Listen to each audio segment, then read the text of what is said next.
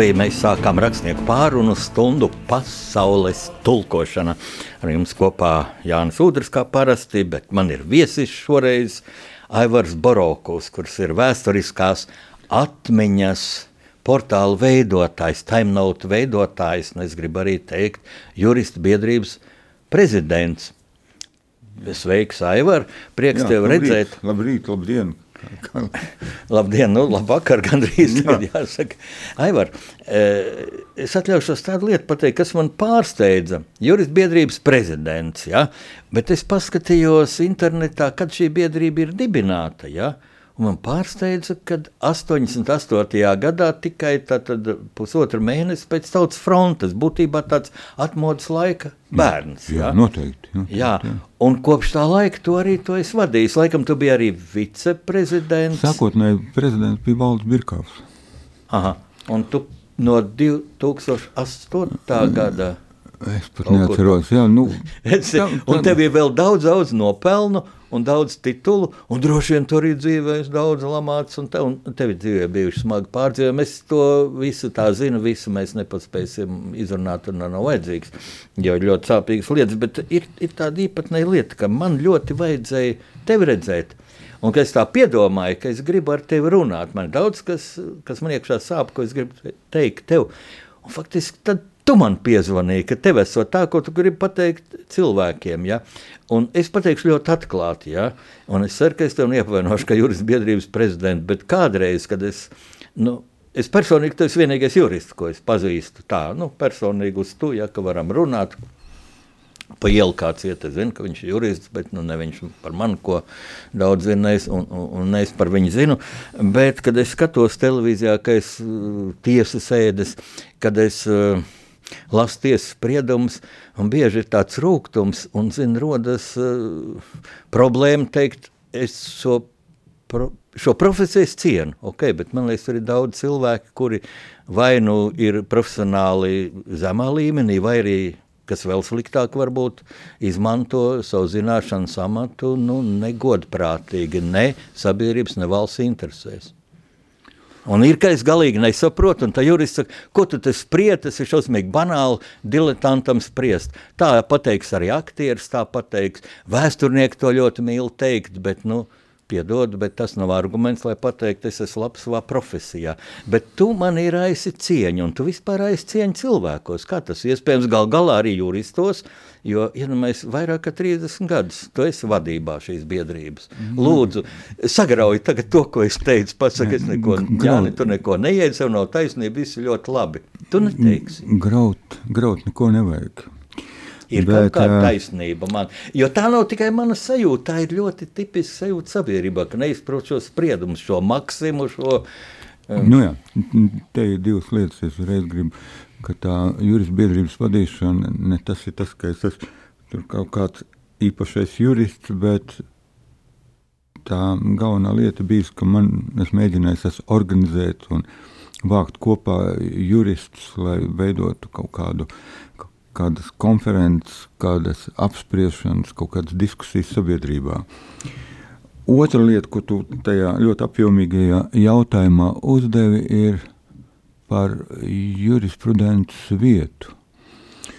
Un, uh, es ļoti sen nodefinēju tādu, tādu priekš sevi tādu pamatu, ka harmoniska valsts būtu tāda, kur cilvēks, nezinot nevienu likumu, ar savu iekšējo taisnīgumu un kārtīgumu sajūtu, varētu nodzīvot mūžu, nekad nenonākot konfliktā likumu. Tā varētu būt tāda ļoti harmoniska valsts. Un tā mūsdienu laikam lielā problēma ir tā, ka mēs bieži kaut kādas izteicienas vai kaut kādas lietas atkārtojam kā mantras,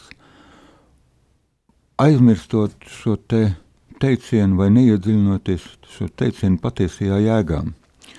Un kā tāds piemērs varētu būt, ka likuma nezināšana neatbrīvo no atbildības. Tā ir tāda ļoti nodrillēta frāze, ja, ko bieži saka.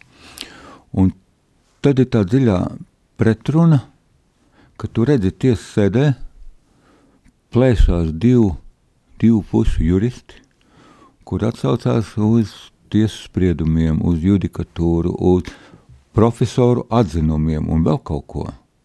Un tas mazais cilvēks sēž un klausās to juristu ārkārtīgi gudro diskusiju, un beig, beigās iznāk, ka nu, viena tie juristi, tā viens puses juristu viedoklis ņem virsroku un tiek taisīts spriedums.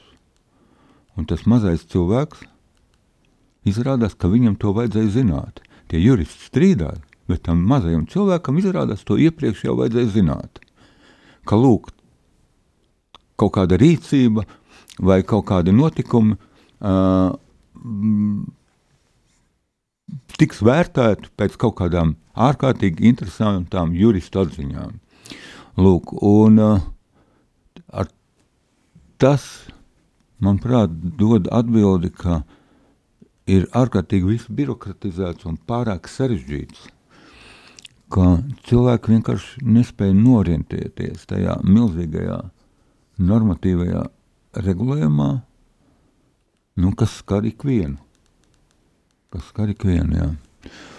Un te es redzu arī tādu lielu problēmu, ka, ka savā laikā, kad mēs dibinājām juristu biedrību, tad mēs tur tādus varbūt tādus skaistus mērķus sev izvirzījām. Un šie mērķi, manuprāt, ir, ir kaut kur pazuduši. Mēs runājam par to, ka vajadzētu veidot valsti priekš cilvēku, bet šobrīd cilvēks ir priekš valsts. Un varbūt pat vēl vairāk varētu teikt, ka, ka Alvis Hermans to ļoti precīzi nodefinēja vienā teikumā – birokrātijas ir pa daudz. Domāju, raidījumā viens pret vienu televīziju, par ēderu. Jā, un jā. tas ir ļoti precīzi definējums, jo um, šobrīd ikviena ierēģiņa amatpersonas, arī vienkārši cilvēka rīcības, rīcībā ir tik ārkārtīgi daudz priekšrakstu, likumi, noteikumi, instrukcijas un tam līdzīgi, ka jebkurš solis pa kreisi un pa labi ir pārkāpums. Bet, lai kaut ko dzīvē attīstītu, ir jāpārkāpj, jo šis te šobrīd esošais regulējums faktiski nostiprina stagnāciju. Mēs neattīstāmies. Jo, lai kaut ko attīstītu, nu, ir jākāpj ārā no tā rāmja, kas ir priekšrakstu rāmja. Nu, jā, un te, manuprāt, ir tāda varbūt filozofiska pretruna, jā, un tā ir laikam viena no lietām, kas pietrūkst juristiem, šī tiesību filozofija. Ka ir pazudusi šī diskusija un nu, šī valda Birkau nodefinēta. Man ļoti patīk šis jēdziens arī pie Rēdera, ko viņš pateica intervijā, šī dizaina domāšana. Tas ļoti, ļoti pietrūkst. Jā, bez gala dziļa šī doma, bet nu, es esmu tāds ļoti pragmātisks. Ja, es visu, ko es daru, pats savus vēsturiskos romānus rakstot, tā, lai kaut kāda ķieģelīte iemūrētu uzlabošanā. Ja, vai tu redzi, kad ir iespējams uzlabot šo milzīgo plaisu, ar ko tu sāki, ja, cik, kas būtu tas ideālais, lai cilvēki to saprot, šo principu, lai zinātu, cik tālu ja, nu, katram no... cilvēkam es vēlreiz uzsveru, ka principā lielākajai daļai ir ļoti pamatīga nu, visu nevar ierakstīt likumā. Jā. Un, un lielai daļai cilvēka, lielākai cilvēka daļai ir tāda iekšēja taisnīguma un kārtīguma apziņa. Viņi uzvedās nu,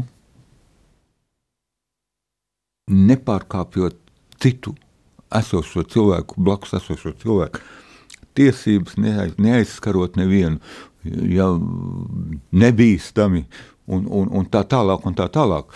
Un pat varbūt nezinot, ka kādā priekšrakstā tā ir paredzēts. Ja, nu, nevar, nevar likumā paredzēt, ka kāds tur pa, pa priekšu ir jāpalaiž vai ir kaut nu, man tā grūti te tā ētera laika aizņemot modelēt, ja, bet visu nevar paredzēt likumos un, un jā, tā ir Tajā pašā laikā es minēšu konkrētu piemēru, un tas ne mans, bet tas nu, nu, burtiski visu Latviju vai nu neizprot, vai vienkārši nu, ir nikni un sašutuši. Maksima, jā, nu, bezgalīgi nodrāts, jā, bet ņemsim pašu pamatu. Es arī es neizprotu, kā ir iespējams, ka pat uz, par lieciniekiem nav pieaicināts cilvēks, kurš eh, ļāva atvērt veikalu, kad uz jumta strādā, kurš savukārt sūtīja uz jumta strādāt, kad veikals ir atvērts, un cilvēks, kurš noskano trauksmes signālam, nereaģēja. Kaut tas bija kā pažarnieka signāls. Bet tad mēs redzam, ka signāls var iedarboties no, arī no sienas deformēšanās. No kā, nu, kā tas iespējams? Es... Vai, vai tā ir muļķība, vai mm, Atcīm redzot, nu, es tiešām to atļaušos teikt, ka profesionāla izmeklēšana valstī ir sagrauta. Jā šī sistēma, izmeklēšanas sistēma ir, ir sagrauta un atkal copy-paste veidojās bezgalīgi sējumi, kurus, kuri nonivelē loģisko domu un jēgu izmeklēšanas. Jo to copy-paste papīra kalns arī fiziski tiesnesim nav iespēja izlasīt, un iedziļināties un saprast, kāpēc šis dokuments ir iekopēts tur uz desmitiem vai simtiem pušu lietas materiālos. Uh, pagājušā gadā bija, novembrī bija 20, fuj, 10 gadi kopš tās Maksimas traģēdijas Zolitūdē, un, nu, jāsaka, man sajūta ir, ka tā ir kārtējā izmeklēšanas izgāšanās, un, un lieta ir nekvalitatīvi izmeklēta. Uh, manuprāt, ka pašā sākumā bija iespējams pakonsultēties pie cilvēkiem, kas ir šādas te lietas ir izmeklējuši. Ķeguma tilts nu, man ir lietvedībā savā laikā bijušas lietas, kur 82. gada 10. martā no ārotbiedrības ēkas, laikam otrā, trešā stāvu, tur atdalījās no fasādes viena apšuvuma plāks, nu, uzkrita cilvēkam un aizgāja cilvēks bojā. Un tur, tur tā lietu kārtība bija ļoti ātri skaidra. Un nevajadzēja gadiem meklēt, un, un, un šajās lietās tika noskaidrots kaut kāds. Jā, bet, eh, nu jā, mēs nevaram iztirzāt lietu, bet eh, tāds īsais secinājums, ka šajās lielajās un ar tādu ļoti lielu rezonanci esošajās lietās parādās, ka tā sistēma ir sagrauta un kvalitatīvu rezultātu nedod. Un Tas, diemžēl, ir jau ilgtermiņā, ja, jo es atceros 90. gados Talsu eh, traģēdiju, būtībā es teiktu, noziegums, kaut kāda plānprātība, sēdināt bērnus iekšā pacēlājā, kur izrādās kādas piecas reizes tas var tiek pārsniegts. Jā, nu, tur piemēram to tals, par to talsu lietu, ir, jā, tur, tur kolēģis Aldis Aliks pārstāvēja cietušos. Un tā lieta, jā, Un neviens nav vainīgs. Ko tur ugunsdzēsēji nu, to vietējo priekšnieku atcēlināmāt? Nu, protams, ja, bet, bet tur vajadzēja sēdināt cietumā tos gal galā, vai tā ne to, kas pie kloķiem sēdēja. Un tur tāda epizode es pamanīju, ka tas cilvēks, kas sēž pie tās mašīnas kloķiem, ceļ to, to kurvu augšā. E, nu, viņš bija krievs, kurš neprot latviešu valodu. Un mammas viņam iet klāt latviešu prasa, vai tad drīkst tik daudz bērnus. Un viņš neatbild, vai ne aiz augstprātības, ka viņam es nevaru komentēt, es tiešām nezinu, Jā. šos te apstākļus. Jā, un viss, un tas pat nefigurēja, kā es nezinu, kas tas ir. Kas tas ir?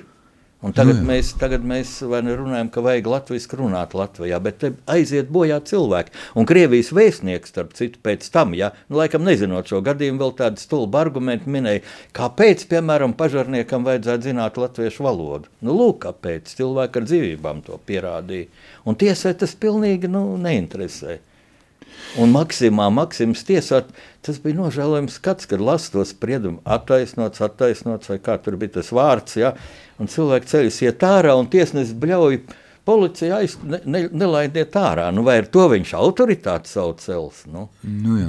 Varbūt Tu- viņš tu man personīgi man- nebija vainīgs, jo tā, tas ir tas, ko tu saki. Nu, galīgi negatava tā lieta, neizmeklēta. Un viņš Katrā gadījumā spriedumu. mm, no publiskā telpā esošā, ka tas vienīgais vainīgais, nu, manuprāt, 6 miljoni jāmaksā. uh, viņš, manuprāt, kas? nu, es nezinu, vai viņa darbā vajadzēja paredzēt tādu, tādu plānprātību, ja, ka kāds izdomās uh, uh, uz jumta stumdīt salījušu melnzemi, un apakšā būs cilvēki. Es nezinu, vai konstruktoram tas ir jāparāda, ka kāds var pieņemt tik idiotiskus lēmumus.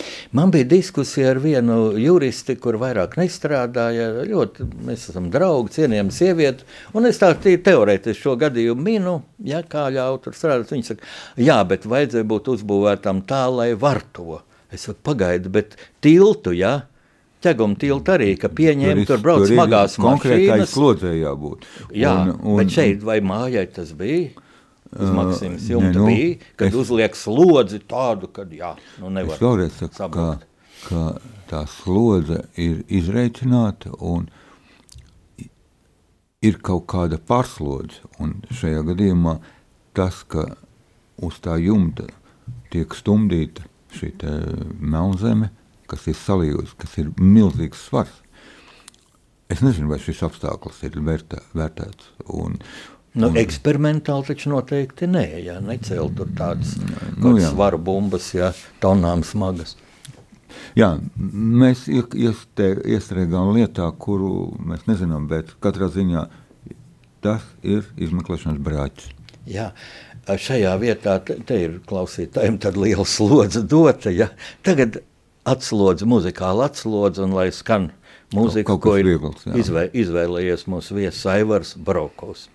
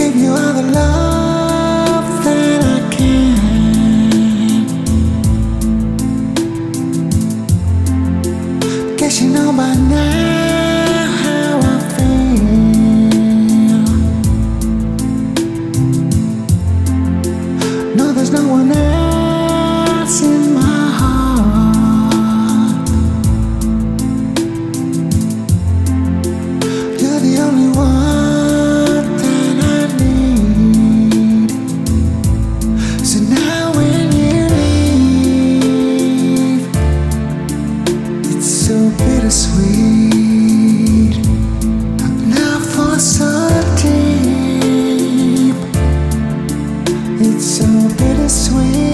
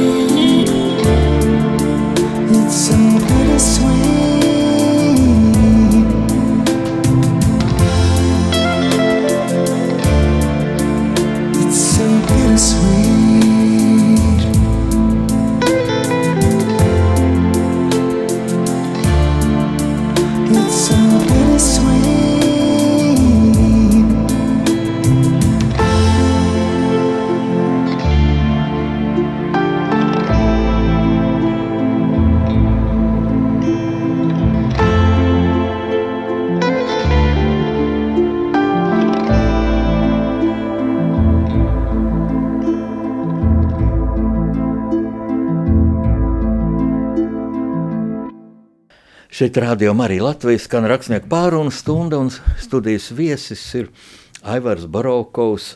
Eh, Manā pieredzē mm, vispieredzējušākais, vismaz tas jurists, kurus patiešām cienu ilgus gadus. Un mēs runājām par to, Jā, Aivars eh, atzina, ka eh, izmeklēšanas brāķi tā tad ir ar Maksims lietā, un, bet kur tas cēlonis, vai e, es pareizi saprotu, ka trūkst arī darbinieku? Es zinu, ka policijā bieži nu, tur stāvot cik 400, cik neizmeklētas lietas. Man pašam ir, ka viens cilvēks man uzbruka, pārsīt galvu, noslīga policijas, un es neko neprasīju vairāk. Es pat nedevu to lietu, cits, cits ies, iedeva un ierosināja mm. kriminālu lietu. Es sapratu, ka tur pārslot, es tikai prasīju, viņu vajag pārbaudīt, jo viņam acīs bija vājprāts. Un es esmu redzējis vaiprātīgos, starp citu, tūmā mums Torņkalna baznīcā Lutera draudzē bija šefība par pansionātu, kurā dzīvo garīgi slimi cilvēki. Un es tur gāju uzstāties, un es stāstīju par Indonēziju, ja es tikko biju atbraucis. Un es redzēju, kā ir, ka viens man nāca klāt, ja, un, un es, es redzēju viņa skatienu. Tu zini, ir tā lieta, ir, ko mēs jau pieminējām, ka ir nograuta sistēma un un arī uzbūves hierarhija. Uh, ir ar, bet tas, tas ir izrauts no konteksta. Manuprāt, ir ļoti daudz lietas sagrauts. Jā, mēs vienkārši runājam par, par um, izmeklēšanu. Un, uh, man nācies pāris reizes redzēt, kā organizē darbu smagu, smago noziegumu notikumu vietās. Ja, man liekas, ka tas ir ļoti stipri kritizējams, tā diplomātiski izsakoties. Jo, ja salīdzināt, piemēram, ar operāciju zāli, vai teiksim, tādu klīniku, ko varbūt cilvēki tādu paralēli uztaisīt, atved smagi ievainot cilvēku, bet kāds sāk vispirms tur, kas, ziniet, vajadzētu mazliet piekrāsot sienu. Vai tur nu, pārbīdīt mēbeles un kaut ko, ka tās svarīgākās lietas neizdara loģiskā, ātrā secībā. Un ir viena tāda, tāda kas saka, teorētiska atziņa, kuru kādreiz ievēroja, ka uh, noziegumu ir vieglāk atklāt, ja ir reakcija apmēram pirmajās 5-6 minūtēs. Nu, ir kaut kāds ekscess, un policija spēja ierasties, un pēc tam, nu, pēc tam jā, tas sākās laika skaitījums ar negatīvu zīmi. Un tad ir tāds otrs tāds kritiskais, ir kaut kāds trīs nedēļas, kad cilvēkiem sāk atmiņā nodzēsties kaut kāda notikuma secība, detaļas, un tur ir ļoti labam psihologam jābūt, lai sarunā ar liecinieku spētu restaurēt kaut kādas šīs lietas atmiņā un nu, paraut vaļā kaut kādas atmiņu, atmiņu, atmiņu failus. Lūk, uh, manuprāt, es te tagad esmu ar kolēģiem runājis, ka būtu ļoti kardinālas izmaiņas jāveic visā šajā struktūrā un jāatjauno jāatjauno prokuratūrā sevišķi svarīgu lietu pārvalde, kur ir sevišķi svarīgi lietu izmeklētāji. Jāatjauno tāds amats prokuratūrā kā prokurors kriminālists, kurš ierodās notikuma vietā uzreiz un prot saskatīt, izņemt, nostiprināt lietiskos pierādījumus, komunicēt kvalitatīvi ar ekspertiem, pēc tam aktīvi krimināla lietā piedalīties ekspertīžu noteikšanā, novērt uh, ekspertīžu rezultātu novērtēšanā.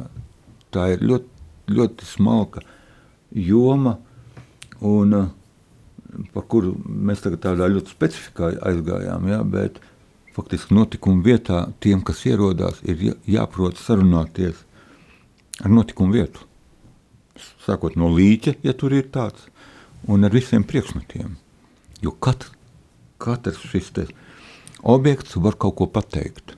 Un ir svarīgi, vai tu proti to ieraudzīt, proti uzturēt šo dialogu un šo dialogu nostiprināt. Es- nav, nav šīs zināšanas. Ir, ir, ir, nu, jāsaka, tā ir, godīgi sakot, ir pamatīga avārija.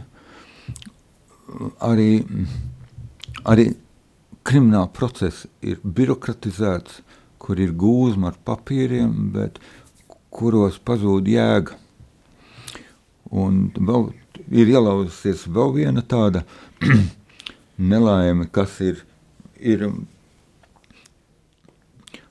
kas ir um, vispārējā procesā, ka ir absolutizēta sacensība. No, no likumiem šobrīd ir izdabūts ārā, un faktiski, cik es atceros, tad šobrīd likumā vairs nav tiesai pienākums noskaidrot patiesību. Bet, lūk, un šie mazie elementi kaut kādas lietas nograuj. Nu, es ar ļoti lielu uzmanību un ar tādu pat skepsi dzirdu prokuroru apgalvojumu Latvijas televīzijā, ka prokurors vienmēr ir cietušā pusē. Viņam nevajag būt cietušā pusē. Viņam vajag būt taisnības pusē. Jo var gadīties, ka ir jāvērtē krimināla lietā arī cietušā uzvedība. Un nereti gadās tā, ka tās nosacītās puses mainās vietām. Īpaši tagad es domāju, ka ļoti nervozs laiks ir karš, nu, tagad tepat tas ir, tuvumā. jā, tas- un tas ir cilvēki ir uz, fons. uzvilkti. ir uzvilkti, bet tādu, tāds sabiedrības trakums tiek uzturēts. Šis trakums tiek uzturēts. Kas to uztur? Es piekrītu, bet kas pirm, pirmkārt? Nu, Mēdīji, Es nezinu, tas ir politiķi. tas tāds kolektīvais, ir, ir kolektīva atmiņa, bet laikam ir arī tāda kolektīvā, tāds kolektīvais trakums, ja, kur ā, cilvēks saprot, ka šis ir brīdis, kad viņam vajag izteikties. Un, ā, nu, tu paskaties vakar, tā ziņa par Ždanoku. Jā, Es atceros, es pirms kaut kādiem, tad, kad es Ždanoku pirmo reizi ievēlēju, un bija viens tāds pat kurjos brīdis, kad Eiropā bija četri deputāti. Ļoti interesanti tā komplektā. Ždanoka, Rubiks, Kalniete un Godmans. Nu, faktiski atmodas tādi, tādas redzamas figūras. man... divi pret divi. Jā, Jā, un, un, Latviju, un, otru. un tieši, tieši tā, un es savā laikā, kad Ždanuku pirmo reizi ievēlēju, es uzdevu jautājumu, kā tas var būt, ka mēs no valsts budžeta uzturam personu, kas ir pret savu valsti, kura ir pret, šajā gadījumā jāsaka, pret šo valsti, jo viņu jā, jāuztver at, atsvešināti. Un toreiz ārkārtīgi mm, apvainojās, ja, ka es nesaprotu demokrātijas pamatprincips. Nu, eh, varbūt nesaprotu līdz galam, bet man liekas, ka tas ir jocīgi. Un savukārt vakar man likās nožēlojami, ka katrs politiķis mēģina uzsprišanāt savu mazliet no, nošlukušo asti ar to, ka viņš viņam arī jāizsakās. Ja, un, un, un tagad jābrauc virsū valsts drošības dienestam, vai jūs viņu jau aizturējāt, vai jūs tur kaut ko darījāt. Manuprāt, šajā brīdī būt valsts drošības dienestā ir ļoti grūti. Jo publiski tā mūsu laika īpatnība ir, ka katrs var būt mēdījis. Un sociālos tīklos ar lielu sekotāju pulku, ar savu autoritāti, ar savu kaut kādu svaru sabiedrībā, veidot ap sevi burbuli vai tādu tā, saucamo sabiedrisko domu. Un lūk, ja teiksim, cilvēks, kam ir pietiekoša autoritāte kaut kādā burbulī, mētiecīgi sāk brukt virsū policijai vai valsts drošības dienestam. Kāpēc jūs to nedariet? Jā, lūk, mēs, es jau no rīta rakstīju, bet pusdienu laikā jūs vēl nesiet tur nevienu aizturējuši. Nu, es pieļauju, ka lūk, šis ir viens no dienestiem, kurš saprot, ko dara. Un, nu jā, un, tā manipulēš, manipulācija ar, ar sabiedrisko domu, nu, ir jāsaka tā, ir tāda sena atziņa, ka ir cilvēki, kuriem ir taisnība līdz brīdim, kamēr viņi atver muti. Un, un šobrīd ir tāda ļoti, ļoti pamatīga akcija par latviešu valodu. Šī akcija bija vajadzīga ļoti sen, un faktiski 90. gadu otrā pusē valsts valodas likums bija pietiekoši sakārtots. Un valsts valo, valoda nebija apdraudēta. Un tad radās viens kreiss pagrieziens, ka lūk, šis valsts valodas likums ir nedemokrātisks, nav atbilstošs kaut kādām nenosauktām rietumu vērtībām, un to, to likumu vienkārši sačakarēja. Un tas zināmām aprindām tajā laikā iedeva impulsu, cerību, ka viss vēl nav zaudēts. Nu, tā mēs esam klupuši. Ja? Uh, nu, ja, tā, tāda, tāda klupiena uh, ir, ir iet, un, un tā ir arī laikam sabiedrības kopumā tāda, tāda nelaime, ka, ka tā, ja to sabiedrību salīdzina ar, ar lidmašīnu, tad mēs totāli lidojam ar vienu spārnu, ar kreiso spārnu. Tā ir lidmašīnai labā spārna nav. Un tas nozīmē, ka agri vai vēl tai ļotenei ir jāgāžās.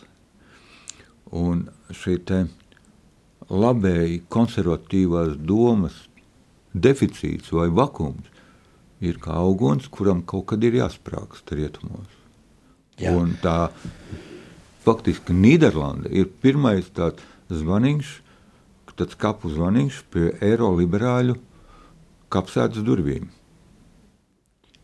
kas var radīt ļoti tā nēsamība, jebkura, jebkura gan kreisuma, gan labo, labējuma uh, radikālie spārni savienojās. Viņi, viņi faktiski nav jau lineāri, ja, bet viņš ir tādā apveidā. Un, un tad ir ļoti reakcionāri un ļoti radikāla politika, kuri ļoti radikāli un ļoti totalitāri tiek arī īstenot. Jā, es domāju, šis ir īstais brīdis, atkal, lai mūsu klausītāji tā apdomā. Tas nav viegli nesagatavot tam cilvēkam, ja kāda mēs lielākā daļa esam, kas, kurš tad ir jurists un kurš ir jurists ar pieredzi un kurš ir labs jurists. Ja? Tu ļoti dziļi to mm, paņēmi. Tagad muzikālā pauze. Es vienkārši esmu vienkārši cilvēks, kas mēģina vēl domāt. Jā, labi, tad mēs, mēs pārdomāsim, ko teica vienkārši cilvēks, kurš vēl mēģina domāt. Aivars Barokovs, mūsu viesis, klausāmies Aivara izvēlētu dziesmu. Thank you.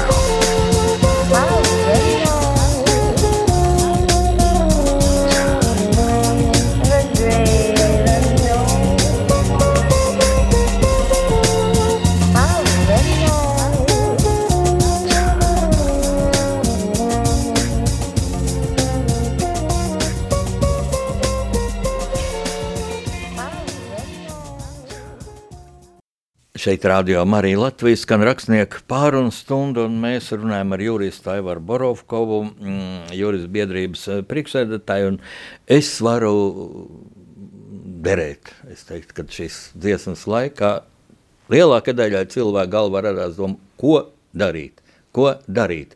Un es to jautāšu tev, bet es eh, vēl precizēšu tādu lietu. Eh, Es tev saprotu, jā, es tev saprotu, ja tas formulēt, kur tā galvenā vaina, ka trūkst eh, profesionālu kadru tomēr mūsu jurisprudencē, juridiskajā sistēmā.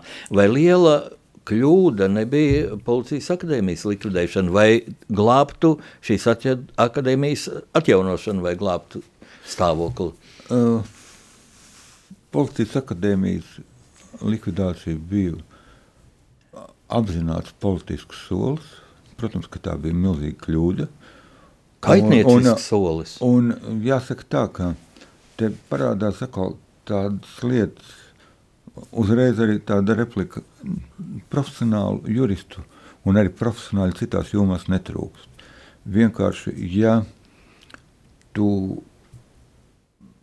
ja tev jādarbojas bezjēdzīgā sistēmā, tad tu vari būt jebkāda līmeņa speciālists, ja tu tikpat bezjēdzīgi arī darbosies. Lūk, un um,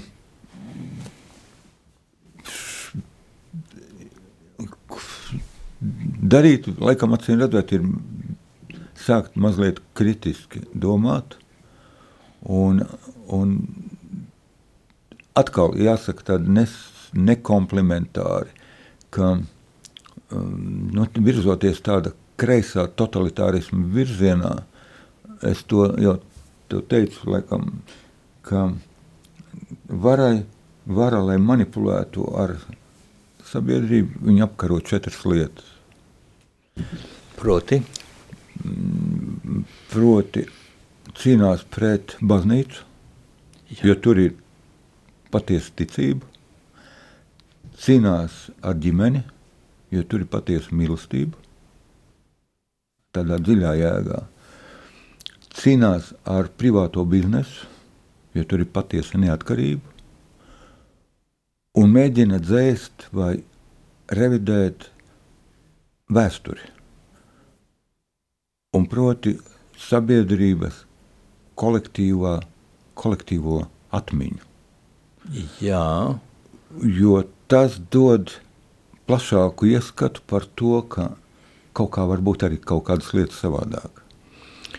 Nu, ir ņemoties ar šo tēmu, nu, faktiski es priekš sevis esmu arī nodefinējis, kas ir vēsture. Ja? Vēsture ir tas, ko pie varas esošie, kā pareizi jāatcerās pagātne. Un, eh, un daudzas lietas, gan par 40. gada notikumiem, tagad es ar šausmām skatos pat par notikumiem, kā notika atmoda. Ka, lai noturētu tos pie varas, lai veidotu savu politisko bāzi, ārkārtīgi tiek diskreditēti cilvēki, kas piedalījās atmodā. Bet tā bija faktiski tautas atmoda. Masā, masveidā, un, un to šobrīd atkārtot pie esošiem apstākļiem ir neiespējami. Galvenokārt vienas lietas dēļ, jo nācijai kopumā trūkst kopīga mērķa. Latvijai nav kopīga nacionāla, nacionāls valsts, naci, nācijas kopīga mērķa. Nav šāda mērķa. Ir katram savas, savas kaut kādas intereses, bet kopīga mērķa, kura vārdā var upurēties. Un tad ir viena lieta, ja, kā tu piemini, ja, ka ir izcili cilvēki, kuri varbūt varētu kaut ko mainīt. Tad tas ir atkal viens smalks varas instruments, ka cilvēkus, kuri varētu kaut ko mainīt un kļūst bīstami, viņus vajag saut, saulēcīgi sākt diskreditēt. Un eh, tādi varbūt brīvdomātāji, viņi ļoti ātri tiek padarīti par nelgām. Kā Lūsis Hermans, piemēram, Jā, kur, Hermans- kur mēs ļoti piekrītu šai redzam viens Jā, pret jā, vienu, viņš bet mākslinieks- saruna aizgāja par to vai pavisam par ko citu, ja par Un, mēdīju eh, lomu. Viņš un- kā, kā mākslinieks to pateica ļoti emocionāli.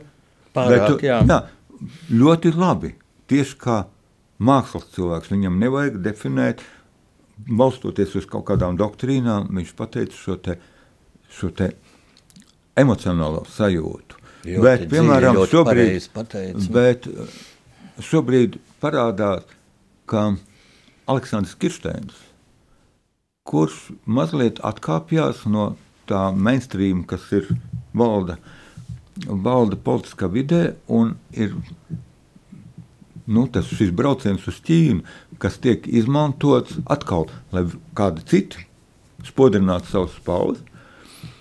Un, uh, un jūtot to, ka Kirstens var kaut ko izdarīt, ja šobrīd nu, tiek veidots jau viņa negatīvais tēls. Es vienkārši viņu gadījumu pēc pieminu, bet tā Mēs runājam ir par, ne par partijām, bet par politisko morālu. par morāli un piekrīti, par ja? to ja par mehānismu, ka, ka nerunājam. cilvēki, kuri mazliet neiekļaujās, ja, nu, savā laikā uh, Eriks Jakobsons tika izstumts ārā. Uh, starp citu, no jaunā laika tika izstumts ārā Dans Titovs, kā cilvēks, kurš varbūt redz lietas mazliet savādāk, bet neatbilst tās politiskās grupas virzienam. Ja, šādi cilvēki, es atvainojos, ka es saucu uzvārdus, ja, bet no, vienkārši, lai, lai rosinātu domāt, ka mm, tas acīm redzot ir visos laikos, ja, ka, ka ir saulēcīgi, ir šis cilvēks ir nu, jāpadara par atšķirīgiem. Un tā ir vēl viena droši vien liela lieta, par kuru droši vien varētu sākt domāt, ka, ja ir labi, tad, tad ir labi.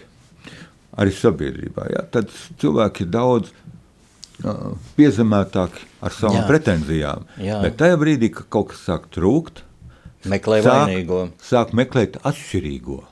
Atšķirīgi. atšķirīgo. Meklē žīdus, meklē gejus, meklē citautiešus, meklē bagātākos, meklē kaut kādu grupu, pret kuru vērsties. Lūk, tie ir tie vainīgie. Mums raidījums iet uz beigām. Es mm, traģiski ātri. eh, tu teici, kopīgais mērķis, un tagad es tā uzreiz atcerējos, jā, mums atmodā bija mērķis atgūt savu valsti. Neatkarību. Pēc tam atgūt neatkarību, jā, atjaunot valsti, pēc tam bija mērķis Eiropas Savienība, Nē. NATO. Nē. Nē. Lūk, tā ir viena liela alošanās. NATO un Eiropas Savienība nekad nav bijis mērķis. Tas, tas varētu būt instruments kādu mērķu Jā, sasniegšanai. bet tas bija šitiem- veiksmīga attīstība. Jā, jā, tieši tā. Uh, šo instrumentu mēs ieguvām, bet mums nebija mērķis, un katrs aizgāja savā virzienā. Ne, šajā brīdī, kad šos divus lielos instrumentus mēs ieguvām, mēs kļuvām par Eiropas nomali un faktiski bez mērķa. Un tā ir liela, liela atšķirība. Kādu mērķi tu tagad izvirzītu, ieteiktu? Mērķis varētu būt saglabāt valsti. Jo valsts iet uz postu. Noturēt, padarīt stabilu, labklājīgu. Tā? Nu, vispirms atjaunot stabilas lietas, uz, kā, uz ko valsts balstās. Tā ir nācija, tā ir nācijas neatkarība, ekonomiskā neatkarība, tā ir teritorijas saglabāšana un attīstība. Ja, ši, šobrīd nu, tas Bismarka teiciens, ka tie, kas grauj skolas, nākotnē būvē cietumus, ir ļoti dziļu jēgu. Šeit eh, vienkārši skatos uz pulksteni, kas liek uz beigt, bet domāju, šie vārdi ir, zem kuriem es absolūti parakstos līdz ar ļoti daudziem mūsu klausītājiem. Esmu pārliecināts. Ja. Šodien mūsu viesis rakstnieku pārunu stundā bija Aivars Borovkovs, un es domāju, Aivara teiktās tēzes prasa tiešām padomāt ļoti plašai auditorijai no pilīm līdz būdiņām cilvēkiem, kur mūs šobrīd klausās.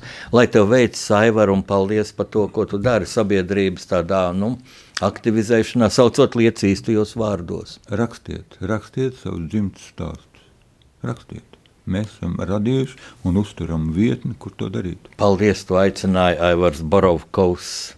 Tā bija rakstnieka pārunu stunda, lai mums visiem veicas tikt galā ar šodienas problēmām.